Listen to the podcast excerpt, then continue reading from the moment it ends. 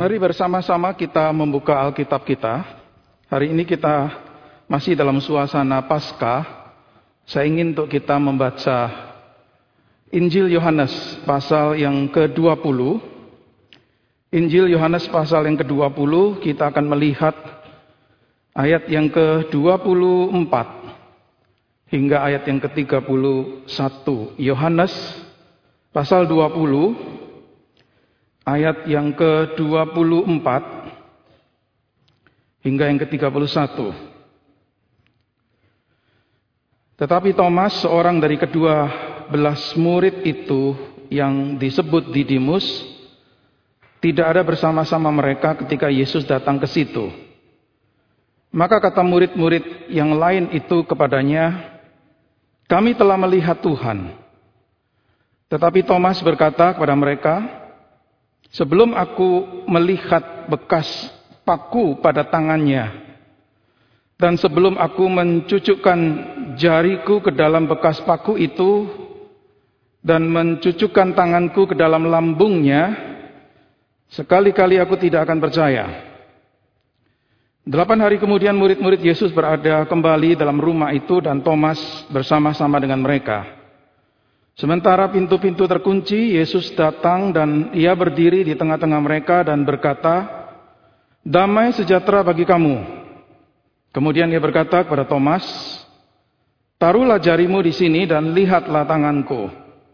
Ulurkanlah tanganmu dan cucukkan ke dalam lambungku dan jangan kau tidak percaya lagi melainkan percayalah. Thomas menjawab dia, Ya Tuhanku dan Allahku. Kata Yesus kepadanya, karena engkau telah melihat aku, maka engkau percaya. Berbahagialah mereka yang tidak melihat, namun percaya. Memang masih banyak tanda lain yang dibuat Yesus di depan mata murid-muridnya, yang tidak tercatat dalam kitab ini, tetapi semua yang tercantum di sini telah dicatat, supaya kamu percaya bahwa Yesuslah Mesias, Anak Allah dan supaya kamu oleh imanmu memperoleh hidup dalam namanya. Sampai sedemikian jauh pembacaan firman yang berbahagia mereka bukan hanya membaca, mendengar, tetapi yang juga melakukan di dalam kehidupan setiap hari. Mari kita masuk di dalam doa sebelum kita merenungkan bagian firman Tuhan ini. Kami bersyukur untuk waktu yang kau berikan. Pada hari ini kami bisa bersama-sama datang beribadah. Baik kami yang bisa hadir secara onsite di gedung gereja ini maupun kami yang mengikuti ibadah secara online. Kami bersyukur Tuhan, di tengah-tengah masa sulit ini Engkau masih memberikan kesempatan untuk kepada kami bisa bersekutu dengan Engkau, bersekutu dengan saudara seiman kami. Dan kami bersyukur di tengah-tengah ibadah ini pun Engkau masih mau menyatakan firman-Mu. Firman yang kami tahu sangat penting untuk hidup kami.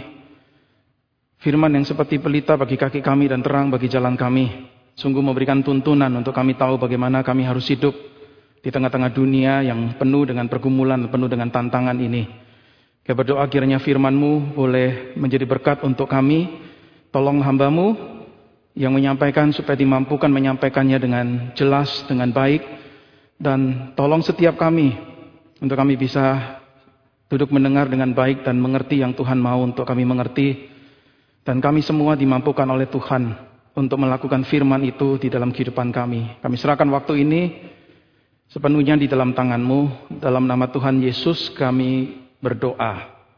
Amin. Thomas yang peragu.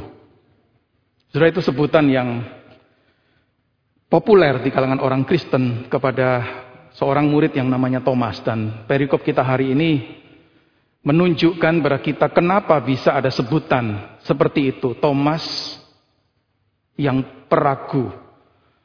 Saudara bahkan saking populernya sebutan itu, maka di dalam bahasa Inggris ada ungkapan Thomas peragu, doubting Thomas, dan itu masuk di dalam definisi kamus-kamus.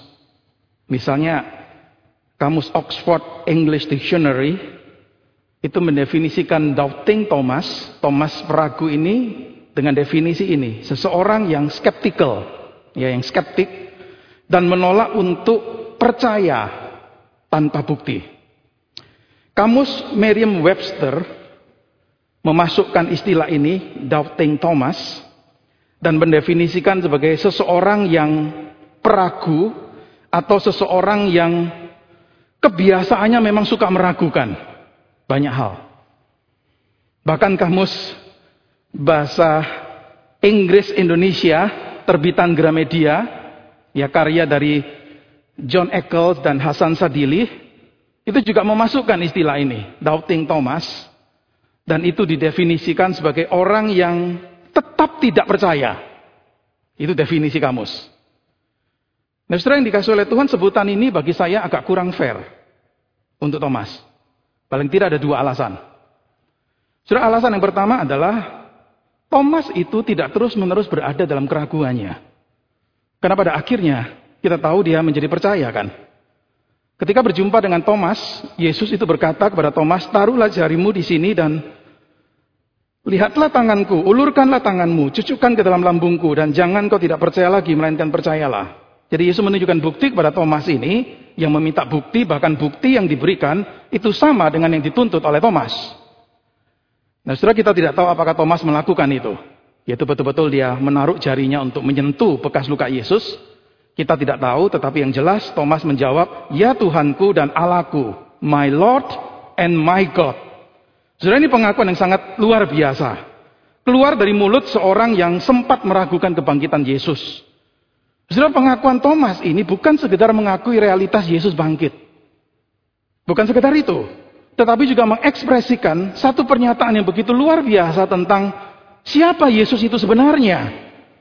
Tidak ada seorang Sebelum Thomas di dalam Injil Yohanes ini yang menyebut Yesus dengan sebutan Allah. Nggak ada. Sebutan-sebutan agung lainnya itu ada. Tetapi nggak ada orang ini dalam catatan Injil Yohanes sebelum Thomas yang menyebut Yesus dengan sebutan sebagai Allah. Itu alasan pertama. Jadi Thomas ini tetap tidak tinggal dalam keraguannya, akhirnya dibertobatkan. Alasan yang kedua kenapa bagi saya sebutan doubting Thomas itu kurang fair bagi Thomas adalah karena Thomas itu sebenarnya bukan satu-satunya murid yang meragukan kebangkitan Yesus. Murid-murid yang lain juga tidak langsung percaya loh pada kebangkitan Yesus at some point. Saudara kalau membaca uh, cerita dalam kitab-kitab Injil, saudara bisa menemukan itu. Para murid lainnya itu tidak bisa percaya sampai kemudian Yesus menyatakan dirinya di depan mereka sampai mereka itu melihat Yesus. Di Markus pasal 16 itu ada catatan mengenai Maria yang melihat Yesus dan kemudian ketika Maria memberitahukan kepada mereka yang selama ini bersama-sama dengan Yesus yang saat itu sedang berkabung dan menangis, tetapi dikatakan di Markus 16, ketika mereka mendengar Yesus hidup dan telah dilihat olehnya oleh Maria, mereka nggak percaya. Bahkan kalau di Injil Lukas dikatakan bagi mereka perkataan-perkataan itu seakan-akan omong kosong. Dan mereka tidak percaya kepada perempuan-perempuan itu. Di Markus 16 itu ketika Yesus akhirnya bertemu dengan uh, apa dua orang dari muridnya dalam satu perjalanan, dua murid ini kemudian menceritakan kembali kepada teman-teman yang lain, tetapi dikatakan apa? Mereka teman-teman yang lain pun tidak percaya. Maka akhirnya ketika Yesus menampakkan diri kepada para murid ini, ketika mereka sedang makan, Yesus mencela ketidakpercayaan mereka. Karena mereka tidak percaya kepada orang-orang yang telah melihat dia setelah kebangkitannya. Dan di Yohanes pasal 20 perikop sebelum yang tadi kita baca, sudah bisa melihat juga para murid itu akhirnya baru percaya setelah Yesus menunjukkan tangannya, menunjukkan bekas lukanya, menunjukkan lambungnya pada mereka. Setelah itu dikatakan mereka itu bersuka cita ketika melihat Tuhan. Jadi sudah bisa mengambil kesimpulan Murid-murid yang lain juga tidak bisa langsung percaya, bukan hanya Thomas. Jadi istilah sebutan Thomas yang peragu ini mungkin agak kurang tepat. Karena seandainya dia ada atau hadir seminggu sebelumnya, ketika Yesus menampakkan diri pertama kali kepada para murid. Sudah tidak menurut kemungkinan Thomas juga bisa percaya. Tidak menurut kemungkinan. Sudah kita tidak tahu alasan kenapa dia tidak hadir. Sudah begitu banyak uh, apa spekulasi-spekulasi memberi coba memberikan penjelasan kenapa Thomas tidak hadir, tetapi Alkitab tidak mencatat itu. Sudah mungkin saja alasannya itu bisa diterima. Alasannya itu sah. Kita juga tidak tahu kenapa Thomas itu ragu dan tidak bisa langsung percaya. Sudah mungkin saja dia terlalu sedih, shock, patah semangat. Melihat tragedi kematian Yesus yang begitu uh, mengerikan itu. Sehingga tidak mudah baginya untuk menerima fakta bahwa Yesus itu bangkit. Kebangkitan bagi Thomas itu too much to be true. Bagi dia itu ini terlalu besar untuk bisa dipercaya sebagai kebenaran. Sehingga tidak langsung percaya. Saudara Thomas sebenarnya hanya meminta bukti yang sama dengan yang dialami oleh para murid yang lain kan. Ketika Yesus menampakkan diri kepada para murid yang lain juga ditunjukkan kan bekas lukanya. Thomas hanya menuntut bukti yang sama. Jadi pada akhirnya kita melihat Yesus memenuhi permintaan Thomas. Nah setelah hari ini saya ingin ajak saudara untuk melihat perikop ini dari satu perspektif. Dari perspektif seperti ini saudara. Ketika orang membaca kisah Thomas di Injil Yohanes ini, ada orang-orang yang kemudian merasa mendapat dukungan untuk bisa mencontoh pengalaman Thomas, sehingga akhirnya dia juga bisa menjadi percaya pada Yesus. Sudah di dunia ini saya percaya pasti ada orang-orang yang juga bergumul dengan bergumul dengan imannya, memiliki pergumulan yang mungkin agak mirip dengan Thomas, memiliki harapan yang sama dengan Thomas. Mereka mungkin akan berkata, kalau saya tidak melihat bukti, maka sulit sekali untuk saya percaya. Sudah tidak heran bagi saya kalau kita ini mungkin mendengar ada orang atau mendengar orang berpendapat seperti ini. Kenapa sih kita tidak mengalami hal yang sama? Tentu kita bisa beriman dengan lebih baik dan akan jauh lebih efektif bagi kita di dalam menjalani hidup iman Kristen kita ini dan menjadi saksinya jikalau kita mengalami hal yang sama. Ada orang yang mungkin berpendapat seperti ini. Loh, seandainya Allah itu mau untuk menyingkapkan dirinya kepadaku dengan cara yang khusus, sehingga apa yang aku lihat, aku jama dan aku dengar, bahwa itu akan bisa membantu untuk pertumbuhan imanku. Nah, setelah yang dikasih oleh Tuhan mungkin ada orang-orang yang berpendapat seperti ini kan. Inginnya itu untuk melihat satu satu mujizat atau sesuatu privilege khusus, mendapat privilege khusus atau mendapatkan sesuatu kekhususan dan akan berpendapat kalau saya lihat itu dengan mata kepala saya sendiri, saya pasti beriman. Dan iman saya pasti kuat.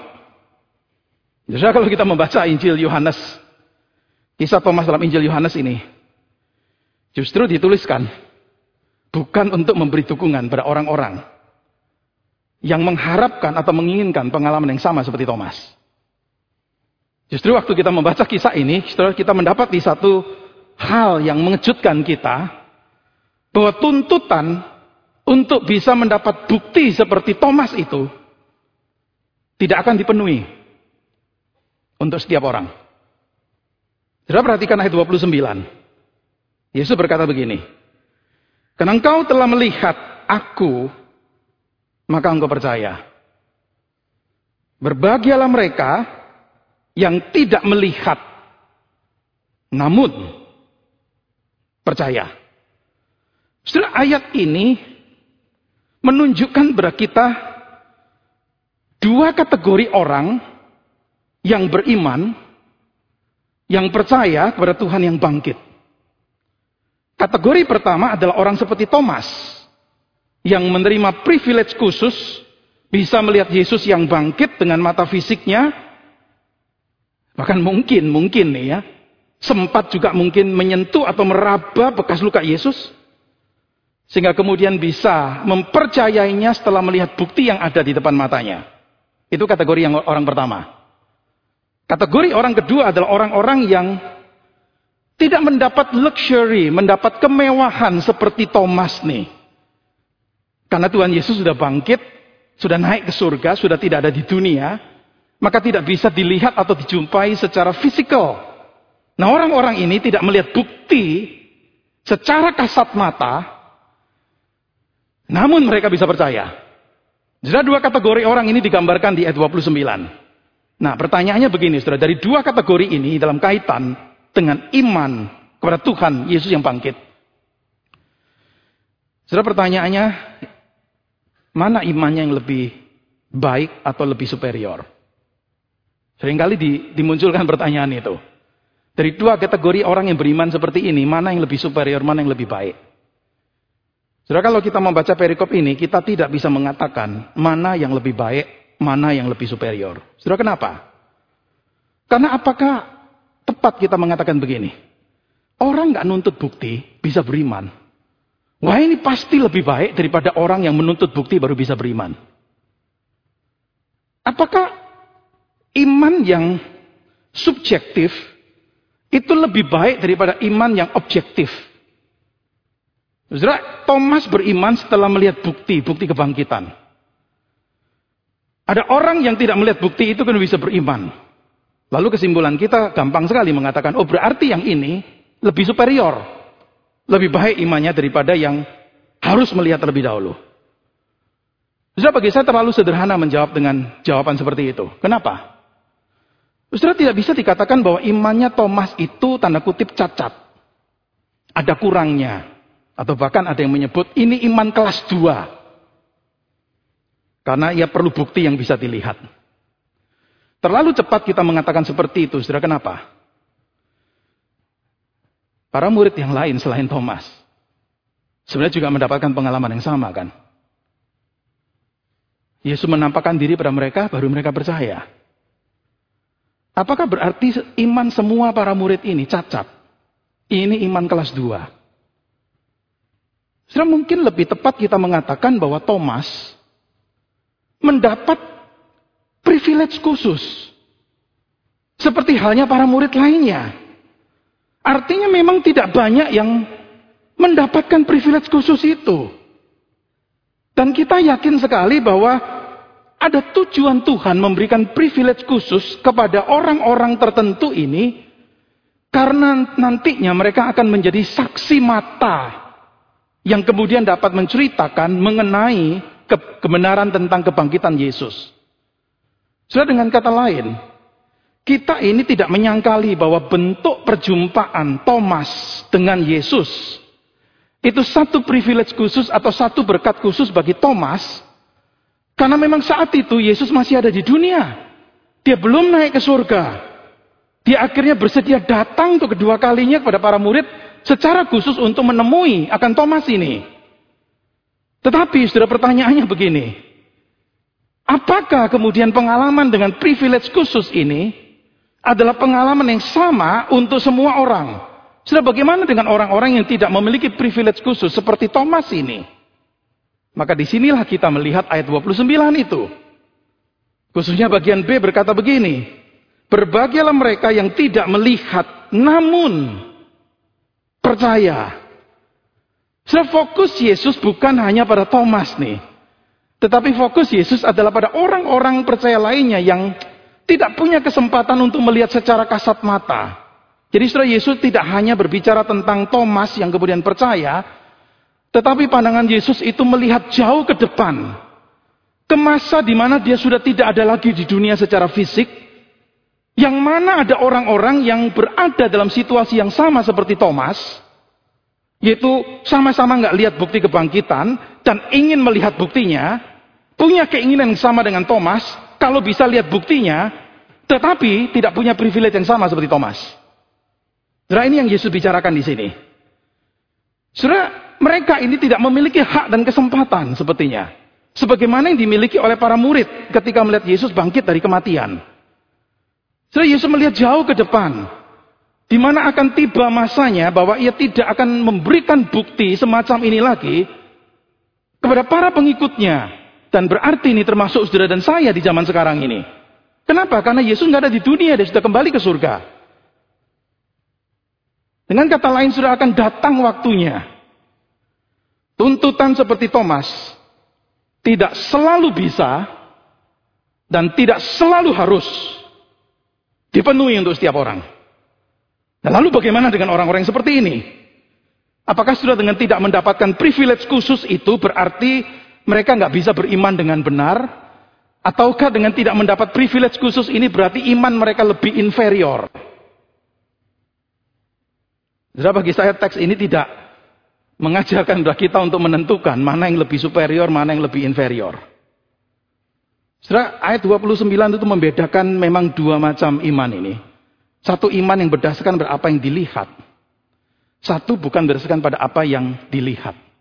Kalau bukan berdasarkan apa yang dilihat, lalu berdasarkan apa? Jawabannya adalah berdasarkan kesaksian dari orang-orang yang pernah melihat, termasuk Thomas. Oleh sebab itu sudah perhatikan kan, kenapa setelah cerita Thomas ini selesai,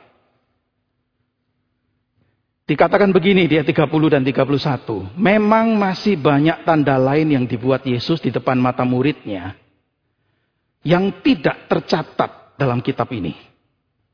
Tetapi semua yang tercantum di sini telah dicatat supaya kamu percaya bahwa Yesuslah Mesias, anak Allah, dan supaya kamu oleh imanmu memperoleh hidup dalam namanya. Sama-sama beriman, tetapi imannya Thomas memang berdasarkan apa yang dilihat dan itu satu privilege khusus. Dan itu kemudian tercatat di dalam Injil Yohanes. Beserta dengan cerita-cerita iman lainnya. Dan sekarang cerita-cerita ini disodorkan kepada kita di dalam Injil Yohanes.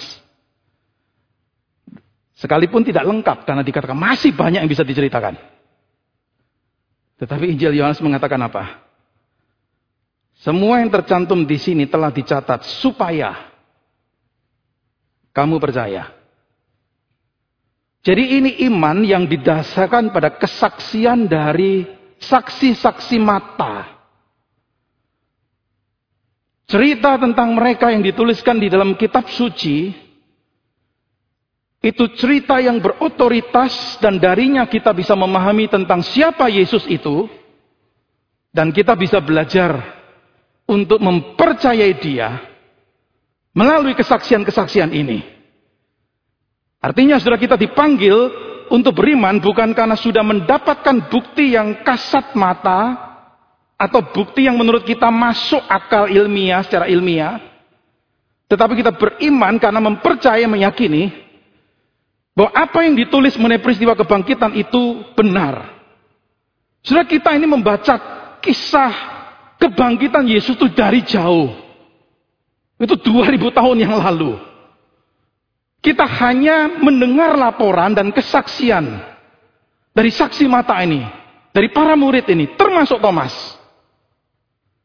Kita juga punya ceritanya Thomas. Kita punya Injil Yohanes yang mencatat semua yang Yesus buat meskipun tidak lengkap nih. Dan dikatakan hal ini sudah cukup bagi saudara dan saya. Untuk kita bisa percaya. Maka ditantang nih oleh oleh penulis Injil Yohanes di ayat yang ke-31 ini. Saudara dan saya yang tidak memiliki privilege khusus itu ditantang seperti Thomas juga ditantang untuk beriman kan. Saudara dan saya juga ditantang untuk beriman. Jadi saudara dengan kata lain tidak merupakan keharusan. Bahwa kita ini harus melihat Yesus dengan mata fisik. Untuk bisa percaya. Kita mungkin tidak mendapatkan bukti secara visual. Tetapi kita bisa mendapatkan bukti secara verbal. Yaitu kesaksian dari para saksi mata, dari para murid, termasuk Thomas. Dan kita bisa diselamatkan melalui kepercayaan kita pada Yesus yang diceritakan di dalam kesaksian-kesaksian yang dicatat di dalam Alkitab ini. Jadi kesimpulannya jelas sekali saudara. Meskipun seseorang tidak melihat dan bahkan tidak memegang Bukti-bukti kebangkitan dengan kasat mata atau secara fisikal itu. Bukan berarti dia tidak bisa memiliki iman seperti para murid. Iman pada Yesus yang bangkit tidak selalu dan tidak harus didasarkan pada perjumpaan dengan bukti-bukti yang jelas secara kasat mata. Yang memang bisa melihat bahkan memegang tubuh fisik Yesus yang bangkit itu. Saudara bagi saya ini sangat penting sekali. Kenapa? Supaya kita ini tidak melihat Thomas atau para murid lainnya. Atau mungkin kalau saya boleh perluas. Orang-orang yang mendapat privilege khusus. Apa pun itu. Kita nggak melihat mereka dengan iri hati. Seolah-olah kalau saya tidak mengalami seperti mereka, saya tidak bisa memiliki iman yang benar yang kuat. Sekali lagi sudah salah kalau kita beranggapan hanya kalau pengalaman berjumpa dengan Tuhan yang bangkit seperti yang dialami Thomas, barulah iman kita bisa kuat dan efektif. Salah kalau kita beranggapan Bahwa sukacita dan kasih kita itu akan menjadi berkurang karena tidak mengalami pengalaman seperti yang dialami oleh orang-orang yang mendapatkan privilege khusus ini. Rasul Petrus, sudah tahu itu murid Yesus kan? Dan itu pernah mengalami sendiri kan? Melihat sendiri. Tetapi ketika dia menulis surat satu Petrus, kepada orang-orang yang nggak pernah melihat Yesus secara fisikal, Rasul Petrus menulis seperti ini di 1 Petrus pasal 1. Sekalipun kamu belum pernah melihat dia, namun kamu mengasihinya. Kamu percaya kepada dia. Sekalipun kamu sekarang tidak melihatnya. Kamu bergembira. Karena sukacita yang mulia dan yang tidak terkatakan itu. Sudah ketika dia menulis kalimat ini, Petrus sedang bicara kepada orang-orang yang sedang mengalami penderitaan. Sudah tahu kan? Orang yang sedang berada dalam penderitaan imannya sangat teruji sekali. Kalau orang-orang seperti ini punya, boleh punya permintaan khusus mungkin akan berkata, oh seandainya Yesus muncul di sampingku. Kemudian memberikan encouragement. Berkata-kata langsung kepada aku dan aku bisa melihat dia dan dia bisa memegang tanganku. Baru imanku kuat dan bisa dimampukan melewati penderitaan. Jadi mungkin ada yang berpikir seperti itu kan. Tetapi Rasul Petrus berkata apa? Sekalipun kamu nggak lihat dia, kamu mengasihinya, kamu tetap percaya sekalipun kamu nggak melihatnya. Dan bahkan dikatakan apa? Kamu bergembira karena sukacita yang mulia dan tak terkatakan itu. Artinya sekalipun Yesus nggak ada hadir secara fisik dalam hidup mereka, Orang-orang ini yang menerima surat satu Petrus, mereka tetap bisa memiliki sukacita dan sukacita mereka tidak berkurang hanya gara-gara tidak melihat Yesus secara fisikal.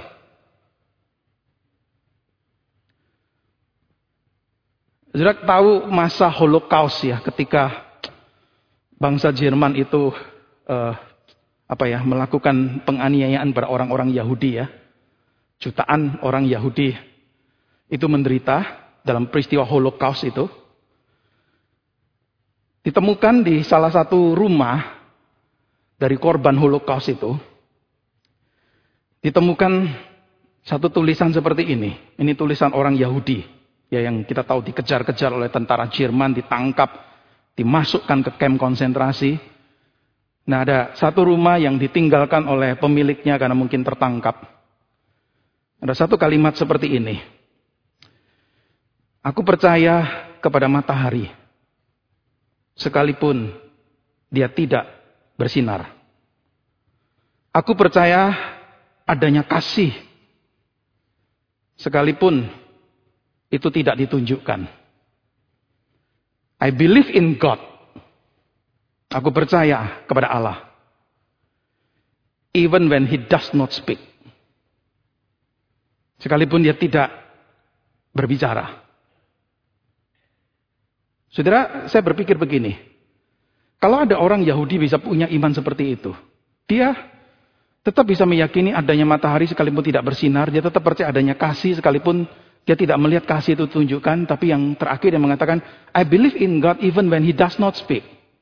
Atau even when he does not act atau bertindak. Kalau orang Yahudi bisa punya iman seperti itu, kenapa kita nggak bisa nih? Maka bagi saya kalimat dari Petrus kepada pembacanya yang tertulis di satu Petrus itu begitu luar biasa. Di tengah-tengah menghadapi penderitaan, Petrus tetap berkata apa? Kalian tetap mengasihi sekalipun gak lihat dia. Kalian tetap beriman sekalipun tidak melihat dia. Kalian tetap bisa bersuka cita bergembira sekalipun tidak melihat dia. Maka saya setuju ada orang menyimpulkan bagian ini dengan berkata begini. Kisah Thomas ini mengajarkan saudara dan saya untuk memiliki iman yang puas, satisfied faith, iman yang puas. Yesus sedang berkata tentang iman yang puas dengan apa yang memang Allah sediakan. Dan karena itu tidak harus selalu mencari bukti-bukti alamiah, penglihatan-penglihatan, mujizat-mujizat, pengalaman-pengalaman esoterik, atau berbagai bentuk kekhususan-kekhususan sebagai tanda Allah itu beranugerah. Sudah iman yang puas satisfied faith ini. mengingatkan saudara dan saya bahwa pengalaman-pengalaman seperti itu tidak salah. Tetapi pengalaman-pengalaman seperti itu juga tidak menjamin loh akan memimpin beriman yang lebih kuat. C.S. Lewis di dalam bukunya Miracles itu menceritakan satu kejadian. Mengatakan ada seorang yang tidak percaya adanya hantu. Karena mungkin pemikiran ilmiahnya dia nggak ada hantu, nggak ada ghost itu. Sampai satu kali dia melihat ghost. Tapi apa yang terjadi setelah dia melihat ghost? Tetap dia nggak percaya. Setelah itu sindiran dari C.S. Lewis di dalam bukunya tentang miracles. Sudah lihat di zaman Yesus kan? Banyak orang melihat loh Yesus berbuat mujizat. Tetapi tidak percaya. Maka kalau para murid itu bisa percaya, di sanalah kita melihat itu anugerah Tuhan. Jadi mereka diselamatkan bukan karena mereka mendapatkan penglihatan. Para murid diselamatkan bukan karena mereka melihat bukti nyata. Bukan. Mereka bisa diselamatkan bukan karena melihat tetapi karena percaya.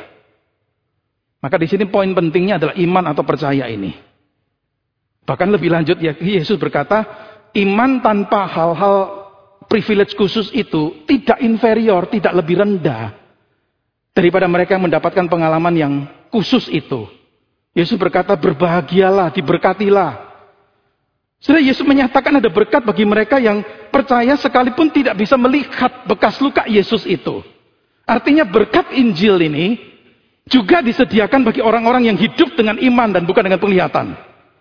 Disediakan bagi orang-orang yang menghidupi iman mereka didasarkan pada keyakinan mereka akan karakter kebaikan dan anugerah Allah. Bukan didasarkan berpengalaman-pengalaman khusus yang spektakuler. Dan berkat ini tersedia untuk siapa? Untuk semua orang yang percaya ini. Tidak didasarkan pada pengalaman-pengalaman unusual dalam pengalaman kita. Tetapi didasarkan pada iman. Apa aja berkatnya? Oh banyak saya percaya. Para murid menerima berkat pengampunan. Kita juga menerima berkat pengampunan dosa. Para murid menerima berkat hidup kekal, kita juga menerima hidup kekal. Para murid dijadikan sebagai anak-anak Allah, kita juga dijadikan sebagai anak-anak Allah.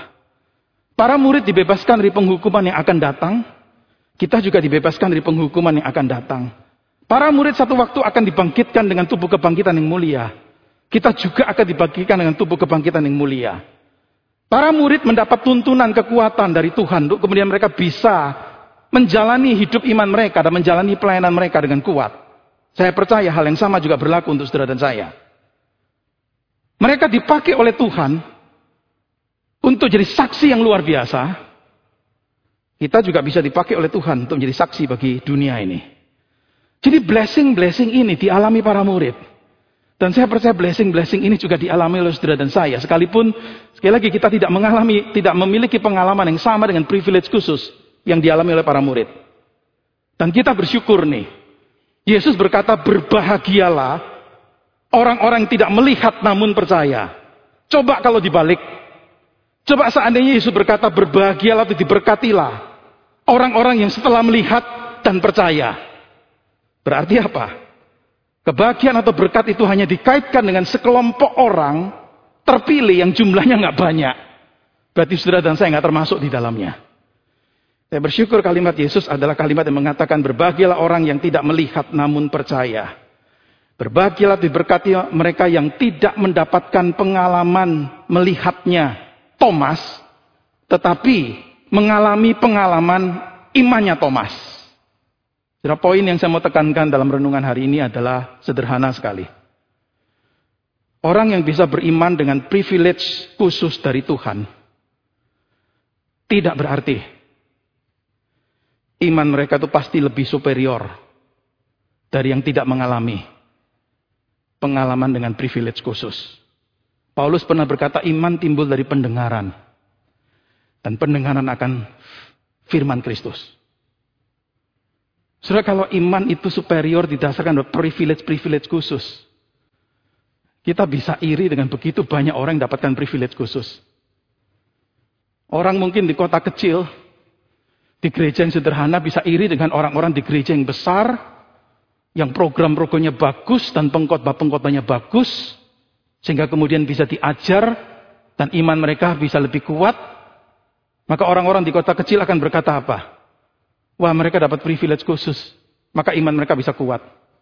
Kami di kota kecil yang sangat terbatas dengan banyak resources, nggak bisa beriman dengan kuat. Sudah kenapa? Sekali lagi karena iman tidak didasarkan kepada itu.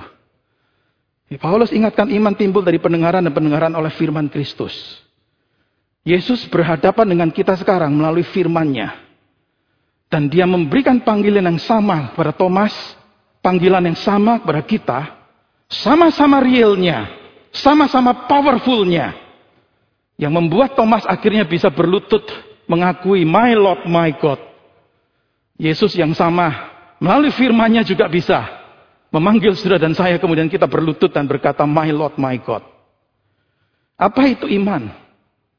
Saudara iman percaya kepada Allah berdasarkan firman-Nya dan bertindak berdasarkan firman itu. Maka kita tidak perlu untuk iri hati dengan orang-orang dengan privilege khusus. Satisfied faith artinya kita puas dengan apa yang memang Allah sediakan. Kita tidak perlu merasa inferior dibandingkan dengan orang-orang dengan sub pengalaman atau privilege khusus. Kita juga jangan menjadi orang superior. Karena mengalami privilege khusus lalu menganggap imanku lebih superior daripada yang tidak mengalami. Itu bukan ajaran Alkitab. Berbahagialah orang yang tidak melihat, namun percaya. Mari kita berdoa. Berkati renungan firman-Mu pada ibadah kami hari ini Tuhan. Tolonglah kami untuk memiliki pemahaman tentang iman yang tepat, yang benar. Tolonglah kami mengingat perkataan Rasul Paulus, iman timbul dari pendengaran dan pengendangan akan firman Kristus. Tolonglah kami memahami apa yang Tuhan Yesus katakan pada Thomas 2000 tahun yang lalu dengan berkata berbahagialah mereka yang tidak melihat namun percaya. Mengingatkan kepada Thomas dan kepada kami semua tidak semua orang percaya akan mengalami pengalaman yang sama seperti Thomas dan para murid lainnya. Tetapi sekalipun tidak mengalami atau menerima privilege khusus itu bukan berarti tidak bisa beriman. Dan bukan berarti imannya lebih inferior. Saya bersyukur untuk kebenaran ini.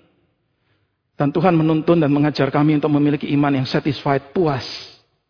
Dengan apa yang memang Allah sediakan. Tidak menutup kemungkinan Tuhan berikan privilege-privilege khusus.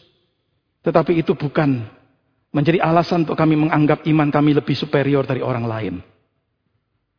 Tidak menutup kemungkinan kami tidak mengalami, menerima privilege khusus. Tetapi bukan berarti iman kami pasti lebih inferior dibandingkan mereka yang mengalami. Berkati firmanmu untuk menjadikan kami sebagai orang-orang yang terus berjuang bertumbuh dalam iman. Dan sarana yang kau sediakan itu cukup bagi kami. Sarana yang kau berikan adalah sarana yang kau berikan untuk semua orang percaya di seluruh dunia. Yaitu melalui kesaksian firman, melalui firman Tuhan, melalui firman Kristus. Itulah yang membuat iman kami kuat. Itulah yang menjadikan iman kami kokoh di dalam Tuhan. Dan biarlah kami bertumbuh di dalam iman yang seperti itu. Di dalam nama Tuhan Yesus kami berdoa dan kami bersyukur. Amin.